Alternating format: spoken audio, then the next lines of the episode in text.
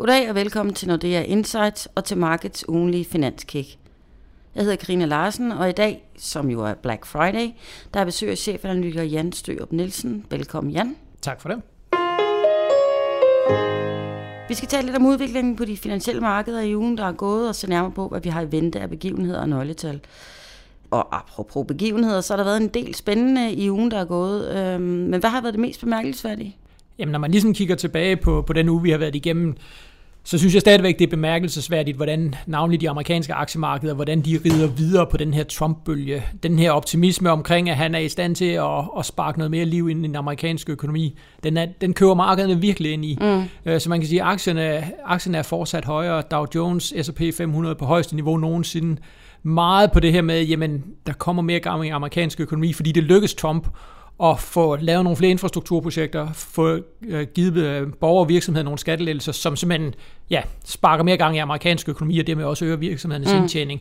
Så det, det er interessant at se, hvordan at, øh, at det her valg det bliver ligesom ved med at påvirke de finansielle markeder, med, men i en, i en bestemt positiv ja. retning, i hvert fald set i forhold til, til aktierne. For kan det vende så i januar? Altså, der, der er meget af det jo ord. Jamen lige præcis, og, og, og altså man kan sige, hvad er det markederne bygger det her på? Jamen mm. det er nogle, nogle udtalelser, nogle få udtalelser, vi har fra Trump, og altså, så er det jo ikke ret meget mere. Og Nej. det vil sige, hvis, hvis der sådan for alvor begynder at blive så tvivl om, jamen, kan han faktisk gennemføre de her ja. skattelettelser? Vil han overhovedet gøre det? Hvad, hvad med nogle af alle de andre ting? Hvad nu, hvis man begynder, i stedet for at fokusere på alle de, i hvert fald for økonomien, negative ting, han har foreslået i forhold til øget protektionisme, ja. begrænset globale frihandel, så kan det jo sagtens vende. Mm. Men lige nu kører man ind i væksthistorien, og sådan, ja, ser lidt igennem fingre med, at, øh, at der bestemt også er nogle negative ting, han i hvert fald har foreslået. Og det har også givet en styrket dollar? Det har bestemt givet en styrke dollar. Vi ligger jo fortsat øh, med en amerikansk dollar over 7 kroner ja. over for... Øh, ja, over for danske kroner. Så, så, så det har ligesom været med til at, at styrke den amerikanske dollar, også fordi de amerikanske renter jo er, er jo trukket en del højere. Så, så stærkere dollar. Og så har vi også set faktisk, at det britiske pund også er blevet styrket. Øh, så, så man kan sige, at danske kroner er i princippet både blevet øh, svækket over for, øh, for dollar og pund, mm. hvilket jo er godt for vores virksomheder, fordi det øger vores konkurrenceevne. Øh, og både Storbritannien og USA er jo ekstremt vigtige eksportmarkeder for os. Så et eller andet sted er det jo også godt for danske virksomheder, mm. at vi har fået den her Og hvem er det så ikke så godt for? Jamen, hvis man sådan skal skære, eller sige det meget firkantet, jamen, så er det jo ikke godt for de amerikanske virksomheder, det er, altså de britiske virksomheder, men det er jo stadigvæk, altså pund er jo stadigvæk svækket mm. i forhold til tidligere, men, ja. men den, dem, som der rammer, det er jo de amerikanske eksportvirksomheder. Det er jo mm. dem, der får svære ved at øh, og sælge deres varer, fordi de bliver dyre, dyre i udlandet. Mm. Så et eller andet sted er det dem, som, som det lige nu går hårdest ud over. Ja. Og så må vi også sige, at for hele Europa, for den europæiske centralbank, jamen, så er det lidt af en gave, at vi har den her stærke dollar. Vi vil jo meget gerne have noget mere inflation i euroområdet mm. og Europa i det hele taget. Øh, vi vil gerne kunne eksportere noget mere, så vi får noget mere vækst, og der hjælper en, en, do, en stærkere dollar altså bare rigtig, okay. rigtig meget på det. Så det er, det er lidt en gave, som Trump han har givet os. Mm. Det bliver så bare lidt dyrere, når man rejser Altså, ja, dem, men, skal, men det kan man så rejse til USA for, ja. øhm, for det lidt dyre, men ellers er det godt. Og så med, også i forlængelse af trump så har vi også set, at de lange renter, de er forblevet høje også i Danmark. Ja, vi, vi, vi har jo set igennem øhm, den sidste gode måneds tid, at, de, at vi virkelig har fået det her skift i, i renterne. Meget trukket af USA, meget trukket på, at man tror på, at inflationen kommer til at stige mere. Øh, og vi har altså ikke rigtig set noget tilbagefald i de her renter, så det, det niveauskifte, vi har set i de lange renter, det er altså holdt fast. Mm. Øh, så det vil sige, at vi, vi ligger nu med nogle, nogle renteniveauer i, de, i den lange ende, som er, som er betydeligt højere end det, vi, vi ellers har været vant til en periode. Og, og det er til Sydlandet, det er til Sydlandet de, de nye niveauer. Mm, okay. Øh, hvis vi så lige skifter fokus og land og det hele, så har der været en del fokus på Italien. Hvad sker der? Jamen, der begynder at blive mere og mere fokus på Italien, og det er også, når vi kommer ind i den kommende uge, så bliver der rigtig meget fokus på Italien. Mm. Øh, i Italien har de jo den her forfatningsafstemning øh, søndag den 4. 4. december, hvor, øh, hvor man fra regeringens side har foreslået nogle forfatningsændringer. Øh, blandt andet vil man afskaffe senatet, og man vil i det hele taget gøre det italienske politiske system mere, øh, eller mere, mere funktionsdygtigt. Mm-hmm. Øh, Italien har jo en lang, lang periode været udfordret det, det her med, øh, hyppige skiftende regeringer, ja. en, en, en svær forfatning, der, der, gør, der gør politiske beslutninger svære. Og det har man altså ligesom øh, prøvet at tage tyrene rundt og sagt, at vi bliver nødt til at ændre forfatningen, vi bliver nødt til at gøre vores system mere smidigt, mm-hmm. så vi kan få lavet nogle af de her reformer, som jo er, som er helt nødvendige. Ja. Problemet er bare, at det er altså ikke sikkert, at befolkningen er helt med på den. Øh, I hvert fald de forløbige meningsmål. De tyder altså på, at det bliver et nej. Mm-hmm. Øh, og spørgsmålet er altså, hvad gør, hvad gør den italienske regering? Øh, tidligere har det jo været frem, at så vil de sige, at hvis de ikke får det her igennem, jamen, så, vil de, øh, så vil de kaste håndklædet i ringen og udskrive nyt parlaments rigsvalg. Okay. Øh, det har de så trukket lidt i land på igen, så det er et spørgsmål. vi ved ikke helt, hvad de gør, hvis de, hvis de rent faktisk taber den her afstemning. Mm-hmm. Øh, men vi kan også se, også på de finansielle markeder, der begynder det at sætte sig. Hvis du kigger på de italienske, de italienske renter, så er de altså steget noget mere end, øh, end deres nabolande. Altså du har en italiensk 10-årig statsrente op, i, øh, op over 2%, og vi skal altså noget tid tilbage, inden at, øh, inden at den var helt deroppe. Okay. Øh, så det, der begynder at være noget mere usikkerhed omkring Italien, og det kommer til at fylde mere og mere frem mod den her afstemning. Okay. Og der er ingen tvivl om, at hvis det bliver et nej til den, den her forfatningsændring øh, søndag den 4., jamen, så får vi endnu mere politisk usikkerhed. Mm-hmm. Og det, det, som alle jo i virkeligheden frygter, det er, at der kommer en ny regering til, hvor det, de har jo også store protestpartier i Italien, øh, og der er altså nogle af de her protestpartier, der har sagt, at hvis de kommer til regeringsmagten, så er det noget af det første, de gør, det er at udskrive valg øh, mm. omkring EU-medlemskab, omkring euroen. Præcis ligesom Le Pen har sagt i Frankrig, at hun også, hvis hun bliver præ- fransk præsident, også vil udskrive valg. Og så begynder du jo lige pludselig at kunne ja. lave de her scenarier, jamen, er, domino, jamen lige præcis, at, ja. er det helt øh, bliver det fuldstændig splittet mm-hmm. i atomer, og er det i sidste ende euroens opløsning, som vi okay. ser ind i, altså hvis man virkelig, ja, virkelig, ja, ja. virkelig tager de dystre briller på. Så det er noget af det, som, som bekymrer lidt på det finansielle marked. Okay, så det kan godt have en effekt, uanset. Det, ja. det, ja, det kan bestemt have okay. en effekt. Ja. Og hvis vi så skal holde lidt øje med den kommende uge, og så kommer vi nok ikke udenom øh, en snak om olien. Der er et vigtigt øh, OPEC-møde på programmet i næste uge.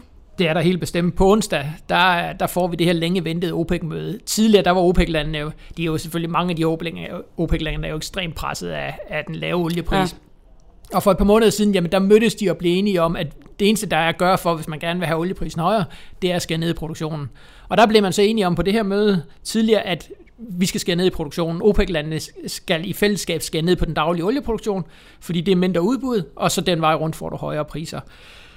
Det de så ikke nåede på det sidste møde, det var at finde ud af, hvem det faktisk var, der skulle skære ned for produktionen. Og der har de så ligesom sagt, jamen når, når de mødes øh, på onsdag i Wien, jamen så skal man finde ud af, hvad er det så for nogle kvoter, de enkelte lande får tildelt. Mm-hmm.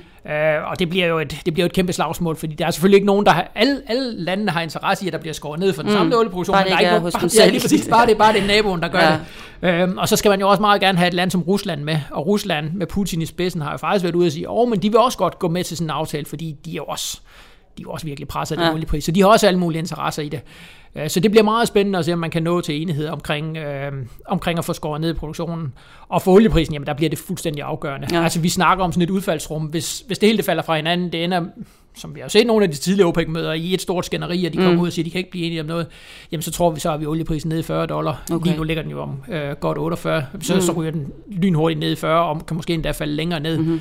Omvendt, hvis man får lavet en storstilt aftale, for inkluderet Rusland, for Iran, Saudi-Arabien til at og sådan komme ind i en helt stor forbrødring, jamen så kan du have olieprisen op i, olieprisen op i 60 dollar. Okay. Så der er et kæmpe udfaldsrum, ja. øh, hvor, hvor man kan sige, at det, det er helt afhængigt af, hvad de, mm-hmm. hvad de er om på det her møde.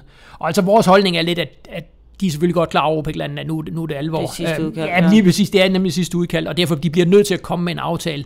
Øhm, så vi tror på, at der kommer en aftale, men spørgsmålet er så, hvor ambitiøs den er. Hvor meget, hvor meget vil de være villige til at skære i produktionen for at få den her høje oliepris? Mm, okay. Og det, der driller dem, det er jo stadigvæk, at, at de har de amerikanske skifergasproducenter, der sidder over på den anden side af landet, og dybest set hygger sig rigtig, rigtig godt ved det her. Fordi ved, hvis olieprisen kommer højere, hvis de skal ned i produktionen, jamen så åbner, åbner det jo døren på vidgab for, at de kan øge deres produktion. Mm. Så for dem er det jo en fantastisk situation, at, at at OPEC-landene formentlig vil skære ned i produktionen, fordi det et eller andet sted gør det jo endnu nemmere ja. for dem at, at producere mere. Så, så hvad er oddsene, de hælder mest til, at de nok får en aftale og bliver enige? Er det ja, vi, sådan, vi, vi tror på, at der kommer en ja. aftale, men omvendt tror vi ikke på, at der kommer den her epokegørende aftale, der okay. virkelig skal ned i produktionen. Altså, så vi tror på, at olieprisen kommer over 50 dollar igen, øh, trækker en smule højere, men vi tror ikke på den her, hvor de virkelig, virkelig skal ned i produktionen. Nej, okay. øh, sådan at vi lige pludselig er olieprisen markant højere. Ja. Nå, men vi får se. Det er den 30. og den 1. december, der har vi så et webinar, så det kan man jo lytte med til det, hvis det er. Øh, men hvad er der ellers vigtige begivenheder i næste uge? Der er noget mere USA? Ja, det, altså når vi kigger på nøgletallene, så er den vigtigste begivenhed, øh, det bliver for USA. Øh, arbejdsmarkedsrapporten, som vi får på fredag.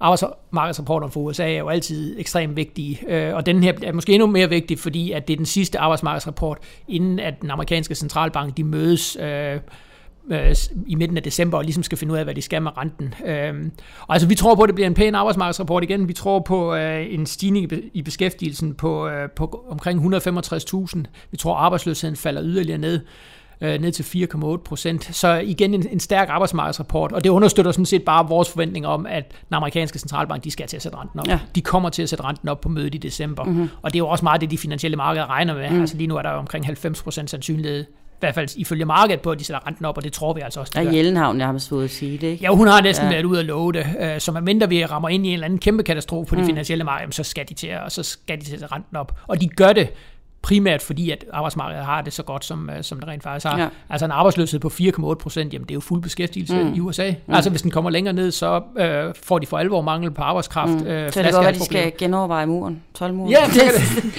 ja.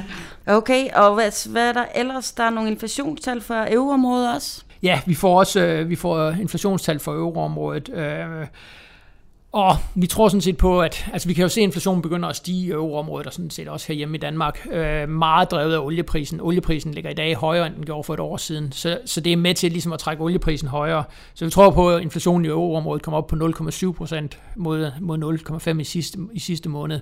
Og man kan sige, at det er jo stadigvæk et stykke fra ECB's mål om, om 2 procent. Mm. Men bare det, at inflationen begynder at stige, tror jeg alligevel giver det giver et rygstød til den europæiske centralbank, fordi de kan sige, at om ikke andet, så falder inflationen i hvert fald ikke længere, og den begynder mm. at, at lige, lige så stille og roligt nærme os vores, øh, vores mål. Mm-hmm. Øh, så det vil bestemt være noget, som, øh, som de vil være glade for i den europæiske centralbank, okay. fordi det også, altså der er jo nogen, der snakker stadigvæk om det her deflations, øh, store deflationsspøgelse, som mm. kan ramme, og, og der må vi bare sige, det er ligesom ved at blive manet i jorden, og navnlig fordi inflationen begynder altså at stige. Okay. Ja, for der er også øh, summet nogle rygter i markedet om, at ECB måske ikke har behov for at tage beslutning om forlængelse af QE-programmet nu her i december. Mm. Øhm, men, men de kan udskyde beslutningen helt til januar. Øhm, hvad, hvad skyldes det? Er det altså, Jamen, der, kører, der kører rigtig mange spekulationer omkring ja. den europæiske centralbank, og, og helt grundlæggende så er problemet jo, at der er meget, meget stor uenighed øh, tyskerne, som jo ikke synes, at det her opkøbsprogram er specielt hensigtsmæssigt, og måske et eller andet sted gerne vil have en strammere pengepolitik, fordi de står i en, i en situation meget ligesom i USA, at de skal passe på overophedning. Mm. Øh, og så har du de sydeuropæiske lande, øh, som jo er en helt anden verden, som i princippet bare vil have endnu lempeligere pengepolitik.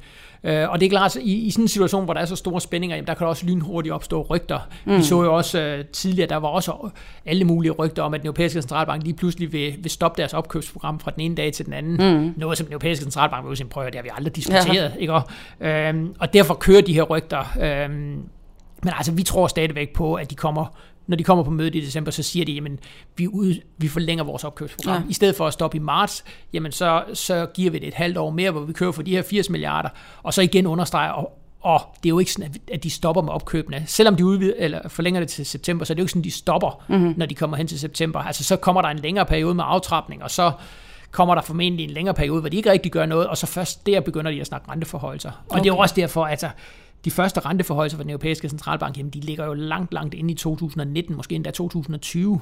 Øhm, og okay. det betyder også herhjemme, jamen de her negative renter, vi har i Nationalbanken, jamen det er, det er noget, der kommer til at vare rigtig, rigtig lang tid. Okay, ja. Og apropos herhjemme, hvis vi lige vender blikket øh, hjemad afslutningsvis, så har vi også noget på tapetet herhjemme.